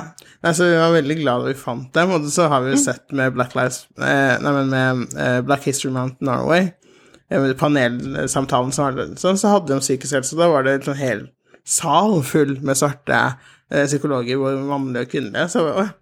Og vi bare Der er de! Ja! Her er liksom Det er så kult at det syns, liksom. At, eh, men så er det noe med at vi må også synes eh, Jeg tror det er viktig at vi synes for oss, sånn at vi vet om det som melaninrike, men også at det synes der ute, at du liksom pusher dem frem. da. At det også blir en, en normal ting. Altså at ja, Mm. klart det fins. Det har vi her. Mm. Eh, ja, men det er altså, ja, så viktig. Ja, både i det å drive med kunst, men det også generelt, tenker jeg da, som medmennesker. Og det å ja, Mm. være i, jobbene sine. Eh, vi har jo alle liksom, Det er mange former for makt som vi snakker om. Eh, men eh, jeg vil gjerne snakke litt mer om hvorfor teater. Altså hvorfor eh, dramatiker. Hvorfor den kunstformen kontra andre eh, Nå opplever jo jeg at du er en dame med, med måte, ord i din makt, så, så jeg er ikke overrasket. Men, eh, men eh, begynte teatret liksom tidlig for deg, eller er det noe som du kom til senere? Eller var det liksom sånn du våknet opp en dag og bare Teater, det er min greie. Ah, nei, altså jeg Jo, ja. Gud, teater. Eh, det er litt flaut. Eh, altså jeg Jeg, jeg ville bare bli kjendis, jeg. altså, hvis du spurte Kamara 15 hva hun skulle bli, så ville jeg ville bare bli den brune Ane Dahl Torp, jeg. Eh, jeg vil bli skuespiller og stå på scenen og få masse applaus og være skikkelig pen og fortolke noen dype eksistensielle greier som folk begynner å grine av. Altså, Mhm. det var det. Og så ville jeg bli liksom, ja, popstjerne. Jeg drev jo med musikk, så det var liksom teater og musikk. Men jeg drev mye med musikal, altså på ungdomsskolen og liksom Annie Grease, altså Flashdance, alle slags mulig sånn. Så jeg hadde ikke en veldig sånn Jeg var veldig politisk engasjert. Eh, meldte meg inn i SU da jeg var 13. Eh, var med på å liksom, starte ungdomshus, var liksom Agenda X, antirasistisenter sine sommerleirer. Så veldig politisk engasjert. Men kunsten opp, liksom, hadde jeg en drøm om at det var et helt fritt sted. Det var noe som het Ja. kunst- og kulturlivet, og det var et helt fritt sted med de beste menneskene i hele verden som alle kom sammen, hvor hudfarge ikke hadde noe å si. It doesn't matter if you're black or white. Uh, så jeg var veldig sånn opptatt av uh, Jeg var veldig opptatt av at altså, når alle andre tok tatoveringer på ungdomsskolen uh, og videregående, liksom noen i smug og noen fikk lov, så var jeg veldig opptatt av at jeg ikke kunne ha tatovering fordi kroppen min måtte være nøytral. Eh, sånn at jeg kunne spille hvilken som helst rolle. Jeg kunne ikke ta noen tatovering. Fordi kroppen min måtte være altså I kunstlivet selvfølgelig, så visste jeg jo veldig godt at den ikke var nøytral på gata når den ble spytta etter, eller når liksom den fikk slengbemerkninger. Men inne i dette teater, musikk, der, der Mm. lå det en drøm, Der liksom. var det fritt. Ja. Og så kom jeg jo inn til Oslo som 18-17-18-åring og begynte liksom å skulle Gikk på Hartvig Nissen og skulle gå dramalinja, hadde gått musikklinja og skulle liksom starte. Og så gikk på audition, så liksom ville få en fot innafor. Jeg hadde ikke noen i familien som drev med liksom teater, så jeg måtte liksom finne ut litt av det på egen hånd. Og så ble jeg jo kasta da som prostituert, som au pair. Kan du snakke med gebrokken aksent? Kan du eh, være vaskehjelp? Kan du Og så Ja. var jeg litt sånn Nei, jeg tror ikke dere skjønner. Jeg er nøytral. Jeg har ingen tatoveringer. Dere kan kaste meg til hva som helst.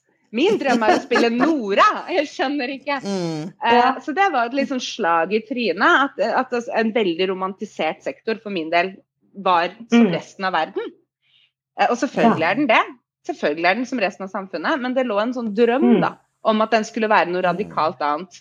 Og da begynte jeg liksom først å jobbe politisk, strategisk, og tenkte liksom OK, men da må jeg bare ta på SU-buksene mine, og så må jeg bare endre liksom rammene her. Det, det er planen. Ja. Begynte å krasje konferanser og eh, liksom var en møteplager på alt som hadde med kultursektoren å gjøre, for å si unnskyld. Hva skjer med at dere tror at dere er nøytrale?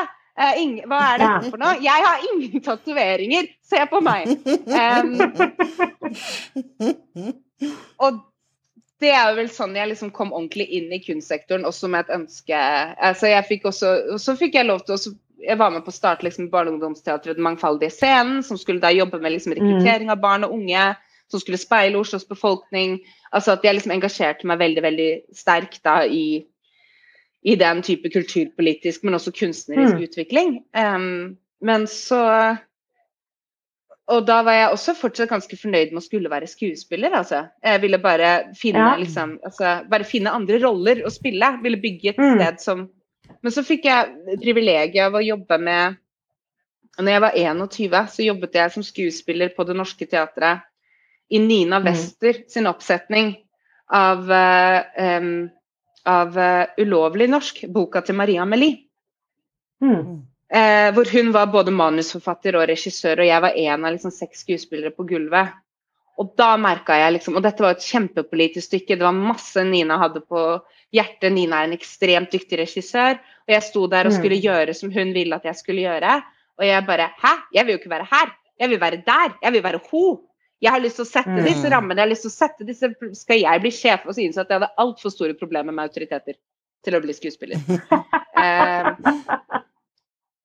og det er litt sånn jeg, Men jeg elsker teatret. Eh, og det er derfor jeg er også ekstremt sjangerillojal. Jeg jobber med visuell kunst, jeg har lagd installasjoner, jeg har gitt ut noen album. Jeg har eh, skrevet en bok. Så jeg, jeg velger jo egentlig tema først, og så velger jeg liksom medium etterpå. Men jeg kommer alltid tilbake til teatret fordi det er en så Det er noe som skjer i det rommet med publikum. Det er noe å oppleve kunsten sammen. Eh, det å Ja. se hverandre i øynene på en sånn veldig, veldig sånn klisjébefengt forkjærlighet for det. Men det er også noe med teater som kollektiv prosess som gjør at Mm. jeg kontinuerlig må utfordre andres blikk, men også mitt eget blikk. Ja. Fordi alt jeg skriver skal fortolkes av så mange. Det er 20 mennesker som skal inn i, eh, i Mm. mitt prosjekt før det prosjektet står på en stene og bæres av helt andre kropper. Eh, hvem er de menneskene? Hvordan foregår den? Hvilke impulser? Hva slags motstand får jeg i regissøren, i scenografen, eh, i markedsavdelingen? Altså når man prøver å snakke om en samtale som skal være for folk, da. For jeg vet hva jeg Mm. vil si, og så har jeg en idé om hvordan det vil bli mottatt. Eh, Mm. men alt som skjer, alt dette, altså all friksjonen og altså tårene og blodet som skjer på veien fra jeg kommer med noe til det står på en scene hvor alle andre har hatt definisjonsmakt på veien, er kanskje noe av det Mm. verste jeg vet, og det beste jeg vet. For det er så vondt. Det kan gå så jævlig galt, men når det funker, så funker det, altså. For det er kollektivisme i sin vakreste form.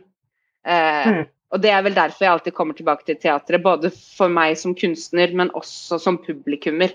At i det Ja. rommet med andre kropper, og spesielt i år hvor alle teaterne har vært stengt, herregud, Ja. det å være med folk, Mm. lage ting med folk, det Nei. Så det er derfor jeg alltid kommer tilbake til teatret, for jeg mener at teatret har et helt unikt potensial i å sprenge Mm. mellommenneskelige rammer.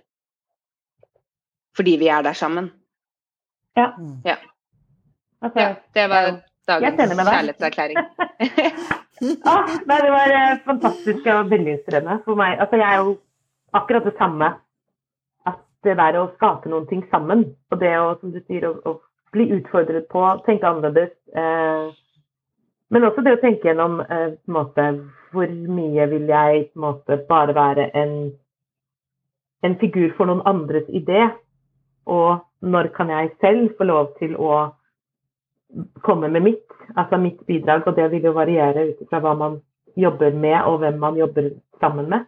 Og interessant som du sier, det å dra inn altså alt fra markedsavdelingen til, til liksom kanskje de, i hvert fall jeg som jobber i sånn, en lignende sjanger, tenker på som selvfølgelig lysdesignere, altså Mm. medskuespillere, alle disse her som man automatisk tenker på, men også det å tenke på liksom, de andre faktorene som også selvfølgelig spiller inn. Hvordan vil det, blir det mottatt? Mm. Hvordan eh, Det er superinteressant. Ja. Det er kjempeinteressant. Og så er det jo også en ekstremt sånn arkaisk konservativ institusjon eh, som trenger mye endring. Eh, masse. Og det er jo også, men også i alle ledd, da, så strukturelt mangfold. Det er jo virkelig alle Mm. ledd. Du kommer jo til eh, lydavdelingen, ikke sant. Eh, som tenker de Mm. jobber nøytralt med lyd. De jobber, altså. Dette er en helt nøytral avdeling. De jobber med lyd. Det er det de driver med. Men så gir de deg en mygg som er hvit, Mm. fordi den skal gå i ett med huden. Hvem sin hud? Eh, og så vil man ikke være hun som står sånn når hun skal på scenen, men bare Har dere tenkt på at dette, dette er nøytralt for deg, men ikke for meg?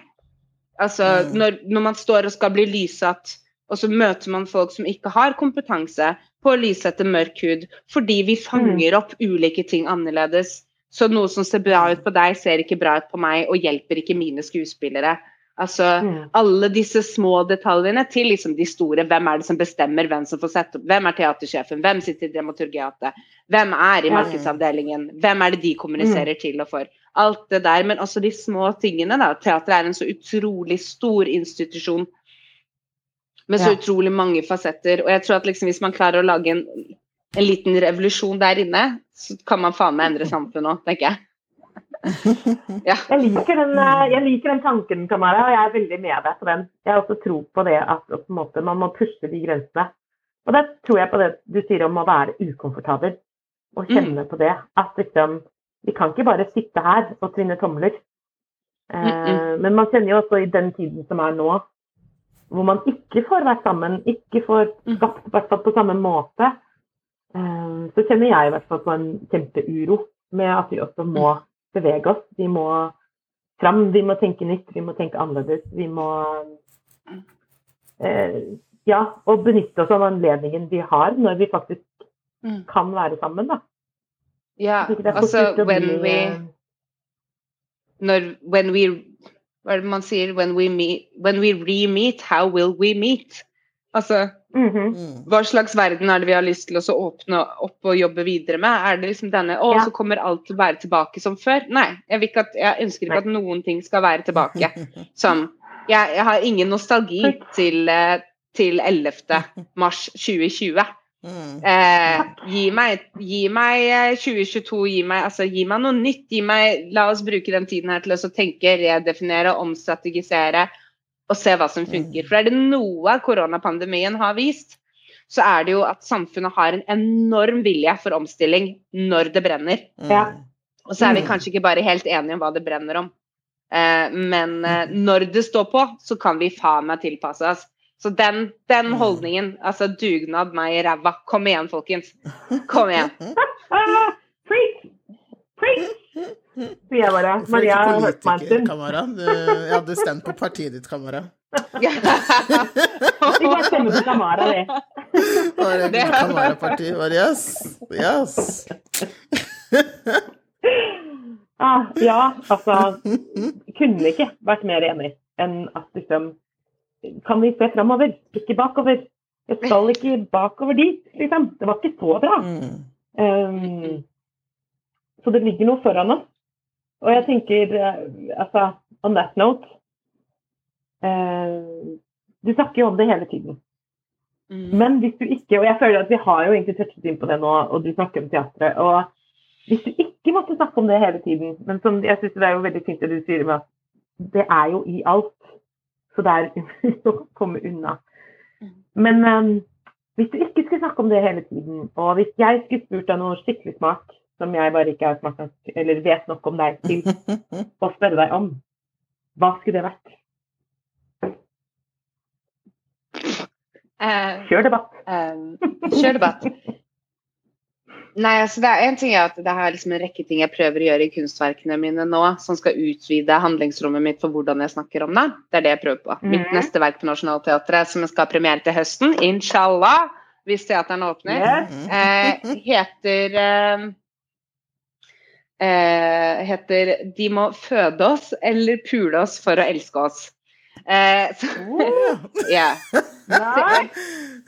Ja, de må føde oss eller pule oss for å elske oss. Eh, så jeg, jeg prøver liksom nå å gå inn i en, eh, en, en litt hardere, eh, mer eksperimentell retning med kunsten min. Men hvis jeg Mhm. ikke skulle snakket om rasisme hvis jeg skulle liksom, En ting er liksom denne utopien hvor man er frigjort fra det. Gud, den vet jeg ikke hvordan det ser ut. Eh, den bruker jeg ikke så mye tid på å fantasere om.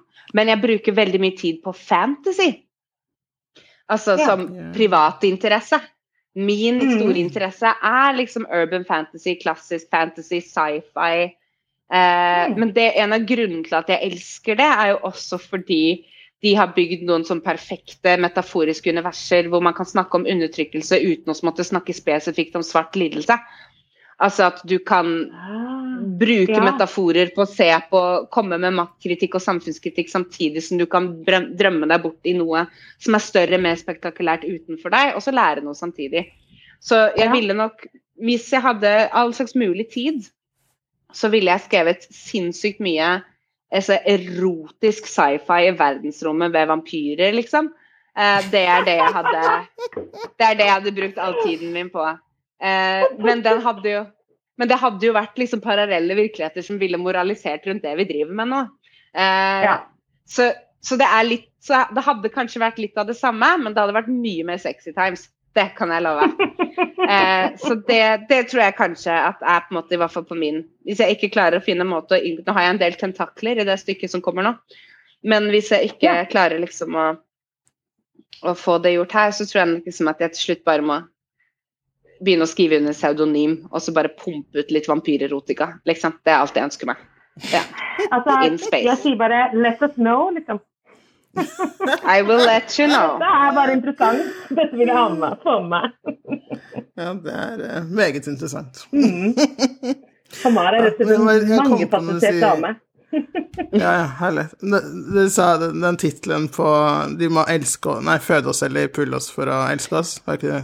De må føde oss eller pule oss for å elske oss. Ja. Sant? Jeg hørte i går Jeg, jeg, jeg har sagt det på alt vi gjør her, men jeg er jo blitt en Clubhouse-junkie. Og da var det et sånt rom hvor de snakket om De snakker om Meghan og Harry hele tiden Mm. dagen. Og så var det en, en svart britisk dame som sa som, altså, det var sånn, Hele rommet ble sånn stille, og det var gåsehud, liksom. For hun sa eh, at Meghan hun var hvit nok til å gifte seg med Harry, men hun var s- eh, for svart for å få respekt og kjærlighet og, anna- omtenks, og omtenksomhet og anerkjennelse. Og det var bare sånn Alle var sånn Ja. Og det tenker jeg er litt det du sier med, med den tittelen din, da. Det er det. Det er akkurat den kjernen jeg har lyst til å gå Mm. inn i. Dette å bry seg om antirasisme, som jeg tenker er liksom en, en previk previkisjon da, for å e- elske sorte mennesker. Altså, you have to care. Mm. Men at den reisen er så intim, er det jeg liksom ofte tenker Mm. på. At ofte når jeg har hatt liksom, jeg har hatt kjærester, hvite mannlige kjærester, hvite kvinnelige kjærester, som har på en måte eh, Som ved å elske meg observerer det som skjer med meg, og som så oppdager den uretten, og så starter det med dette er helt skandaløst at min kjæreste må oppleve dette. Dette er ikke ok. Hvordan våger noen å behandle min kjæreste sånn? Og så går det til en utvidelse. Hvordan våger noen å behandle noen sånn? Herregud, er verden sånn? Er verden, Ja. verden er sånn? Stopp, stopp! Dette går ikke an, for faen. Men at det er en så Mm. intim reise inn i det engasjementet. På samme måte som det å ha liksom hvite besteforeldre, hvit mor. At der kommer også dette liksom Skal noen behandle Mm. mitt barnebarn på denne måten her? Ikke faen! Da tar jeg opp et gevær, liksom. Men at den, altså Mm. den det engasjementet for å stå opp mot urett kommer fra et så utrolig intimt sted, låst i min kropp Mm. og deres kjærlighet til meg, da. Eller til noen andre, Mm. som ikke er ment utakknemlig, men som også ligger med en sånn OK, men hvordan navigerer vi disse kroppene sammen da, da? Så det er en litt sånn Mm. Sleivete rundt det at man kan være altså hva, Hvilke betingelser kommer den kjærligheten med, og hvordan får man da til en ordentlig, en ordentlig antirasisme? Og er vi egentlig litt ferdig med Mm. Orker jeg snakke mer om antirasisme? Er jeg ferdig med det? Tror jeg på det lenger? I don't even know. Kanskje jeg bare skal ligge med alle? Bare ta én incel etter én incel etter Altså, hvis Megan hadde ligget med han jævla talkshow-hosten, kanskje det hadde gått fint, liksom? Altså, Istedenfor å ghoste han. Um, altså, den her, da. Den her intimiteten, den Jeg har lyst til å harselere litt med den. Det er det jeg prøver å gjøre nå. Samtidig som jeg harselerer med meg selv, da. Så det er et stykke skrevet for tre liksom, women of color-skuespillere. Men hva Ja, det er det jeg så nå, og Det det, kan hende det konkluderer sånn at jeg bare ligger med alle, og så er dette løst. Så vi løser problemet. Dere hørte det her først. Kamara out. Yes. Ja, men det er sånn virkelig sånn Er det det vi må gjøre, da? Ikke sant? Vi kan ikke bli født av flere enn den vi er født av, så vi må liksom Nei, så Hva, det hva kreves, liksom? Altså, det er ja. sånn I'm on a mission. Ja. Men altså, hvor intimt betinga må rettighetene mine være? Er jo det man også lurer på. Eh, hvor intimt betinga må menneskeverdet mitt være? Um, Mm. Mm. Så jeg vet ikke Ja, nei. Så det er det. Det er i hvert fall det, det, er det jeg sitter og, i isolasjon og jobber med nå. Det kan hende dette er en kjempegod idé, kan hende det er en veldig dårlig en. Jeg gleder meg. Ja. Vi gleder oss også veldig. Ja, eh, jeg kjenner at jeg ja, jeg kjøper billetter til den forestillingen. Det er garantert. Vi sitter på første rad, Maria. Yes. Pule, pule.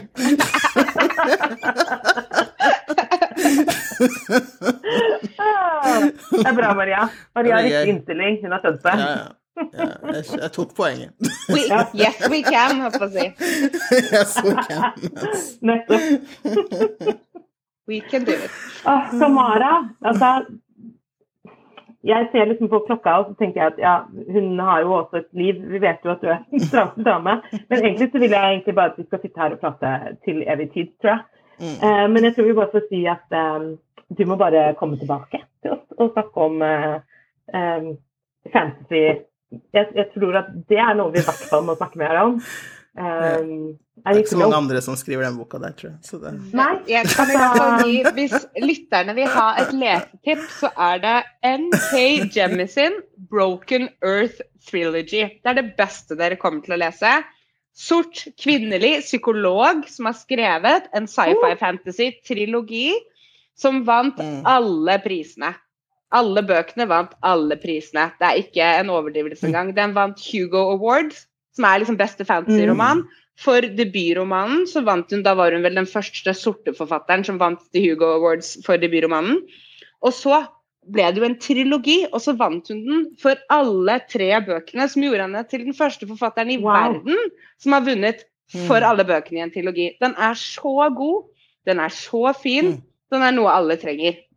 NK Jemisin.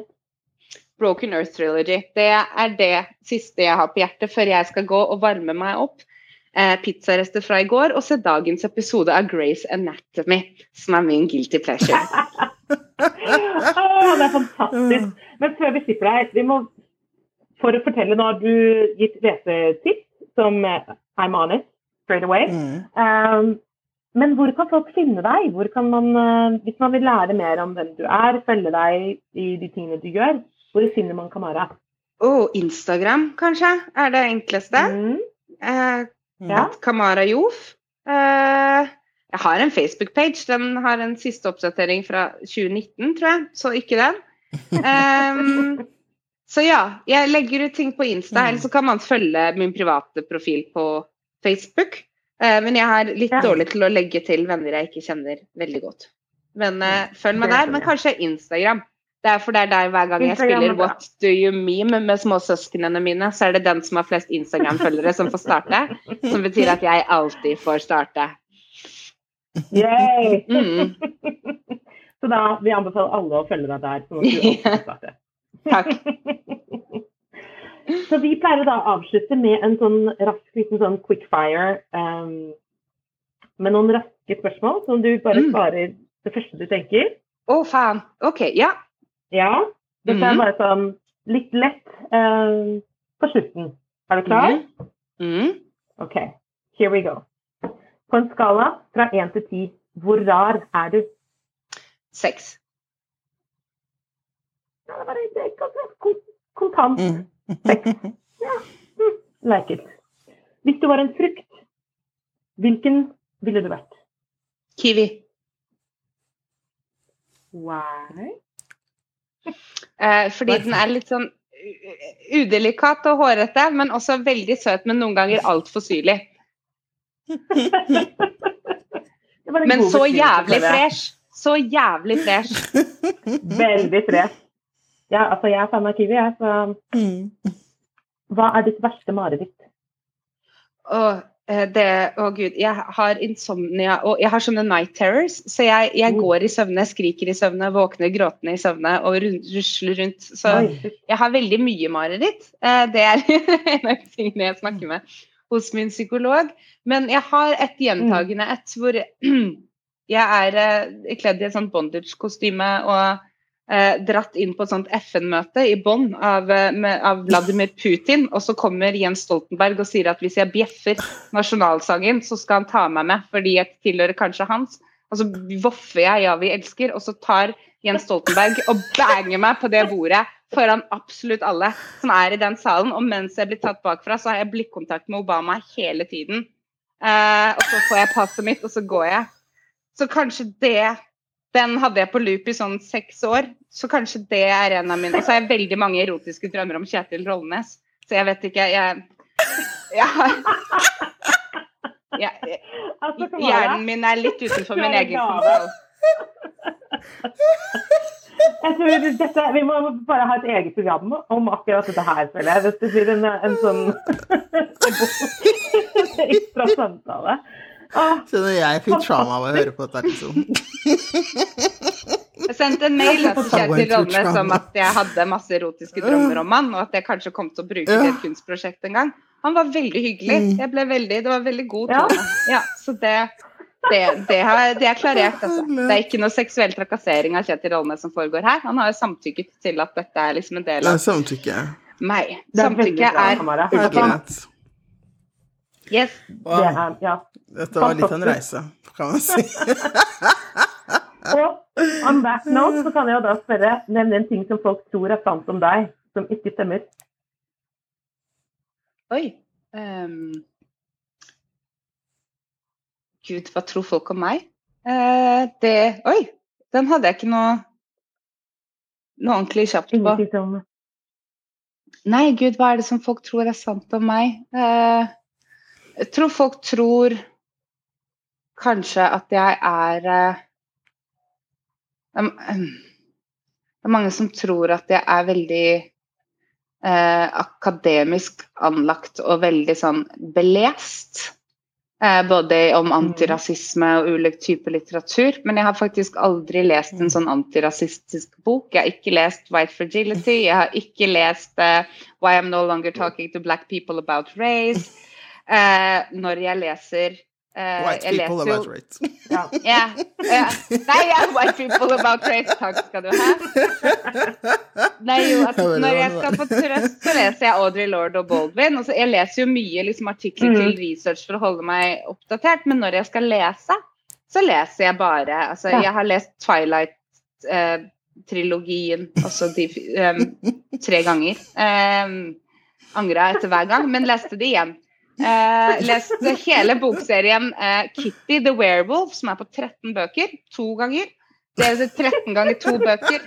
Eh, så hvis man jeg leser ofte på sånn Kindle, så folk tror ofte at jeg har sånn jeg har det er jo ikke sånn bokhylla mi ser ut, eh, fordi jeg har det jo på Kindle. Eh, så der ligger det sånn 400 mm. trashy vampyrromaner. Og når folk ser at jeg sitter og leser, så tenker de kanskje at der foregår det noe skikkelig smart. Det gjør ikke det.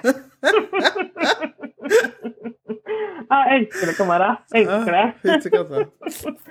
Hva gjør du for å ta vare på deg selv? Jeg tror vi allerede har skjønt at du leser vampyrromaner. Eh. Spiller Xbox. Ja, jeg spiller Xbox. Jeg får ut frustrasjon.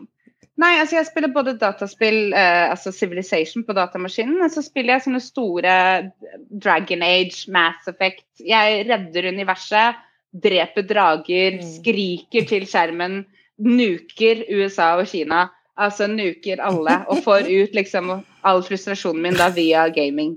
Ofte. Ja. Mm. Okay. Mm. Hva tenker du om folk som spør hvor kommer du egentlig fra?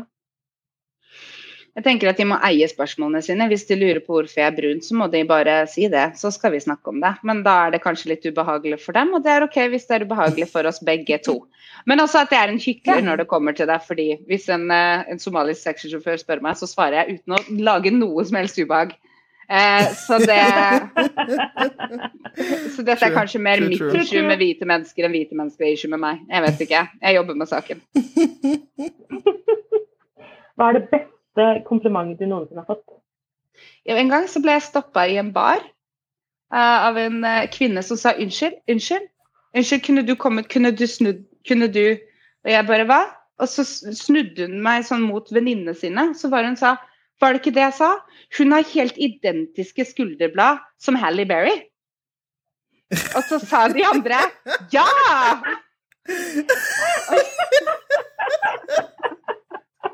Og jeg tenkte that, Er det fordi jeg er brun og Halle Berry? Men er, Og etter det så har jeg hatt ganske mye sånn, jeg har sånn shoulder, shoulder confidence ja. siden det. Jeg sånn back and shoulder confidence ja. siden det skjedde på internasjonalen i sånn 2009. Så har jeg bare OK, ja, men jeg har identiske skulderblad som Halle Berry, og det lever jeg ganske godt med. Fantastisk.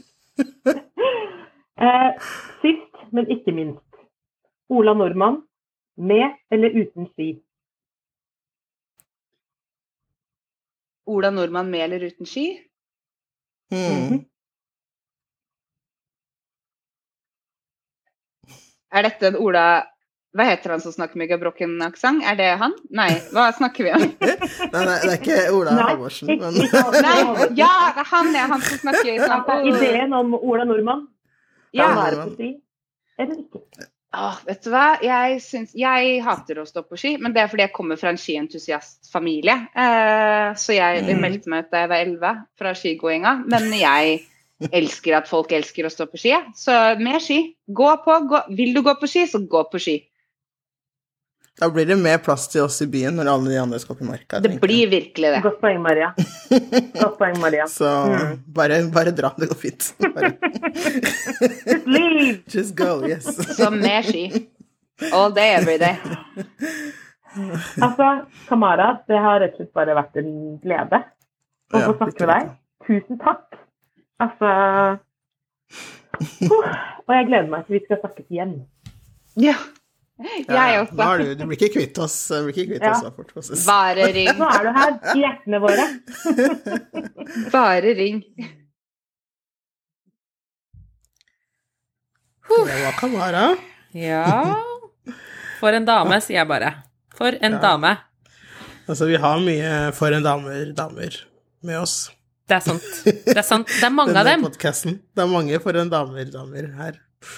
Og det eh. er jo en bra følelse. Vi er jo i mars fortsatt, så det, vi har jo hatt mm. kvinnedagen. Um, så jeg bare Jeg blir sånn skikkelig glad inni meg.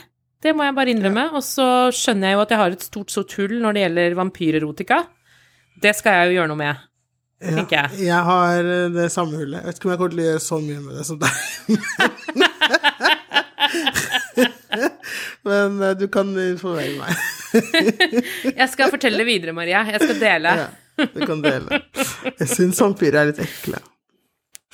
Altså, Maria. Jeg har ikke helt sett uh, the, the, Hotness. jeg skjønner vampyrene, liksom, men, men, jeg er jo med på den der litt blodtørstige siden, da. Det er jo mer meg. Ja. Så jeg er bare sånn Yes, blod og gørr, det liker jeg. Vampyrer, der er de morsomme. Men ja. erotikasiden, den har jeg ikke. Men ok. Mm. I'm open. Ja. Keeping an open mind, som de sier. ja, jeg skal ta med Altså, det er ikke det at folk går rundt og tror at jeg er så sjukt intellektuell, akkurat, men det der å sitte på en Kindle og, og folk tror du leser liksom uh, smart ass shit, og så leser du eh. Og da kan jeg lese Harry Potteren min. Og, ikke sant? Ja, det kan jeg gjøre. Mm. Så det tar jeg med meg videre. Er det, noe jeg, er det noe jeg har lært av den denne samtalen, så er det det her. Hvordan se smart ut, Hvordan uten nødvendigvis å legge så mye i det. yes. That's my mission. Ja. liksom. Og så syns jeg jo at det er et godt mm. poeng at altså nå som jeg er i skisesong og i det hele tatt eh, Det er i hvert fall mm. bitte lite grann, vi går jo snart inn i påske, uh -uh. Mm, ja. så um, syns jeg jo det er nyttig at ja, folkens, kom dere ut på ski, sånn at jeg kan ha byen for meg sjæl. I ja. like it. Mm. Det er noe med det, altså. Det er deilig å Bypåske er det beste som fins. Det er så nice. Jeg er veldig ja, tilhenger av bypåske. Først er det irritert meg om folk som er sånn Å ja, jeg har hatt vinter typ i tre måneder, la meg dra til fjellet og ha enda mer vinter, når det endelig har blitt bart i Oslo, liksom. Den har jeg aldri skjønt. Men så var jeg litt sånn Vet du hva, bare dra, det går fint. Jeg er her, kos deg. Så jeg, jeg kom uh, I, I, came to terms with it yep. til slutt. Sluttet å irritere meg og nøyt stillheten. Veldig deilig. Yes. Men nå er jo alle hjemme, da, så det er jo helt fett.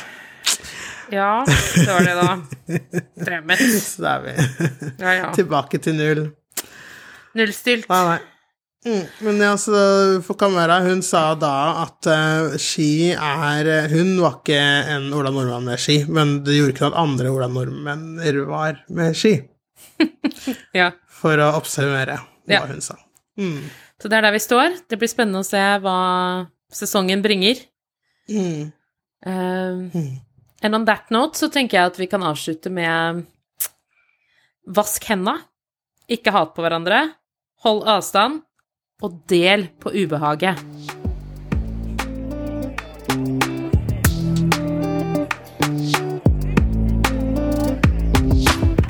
Vannhullet podkast er laget av Siv Mysund og Maria Liholt. Musikken er laget av Olve Flakne.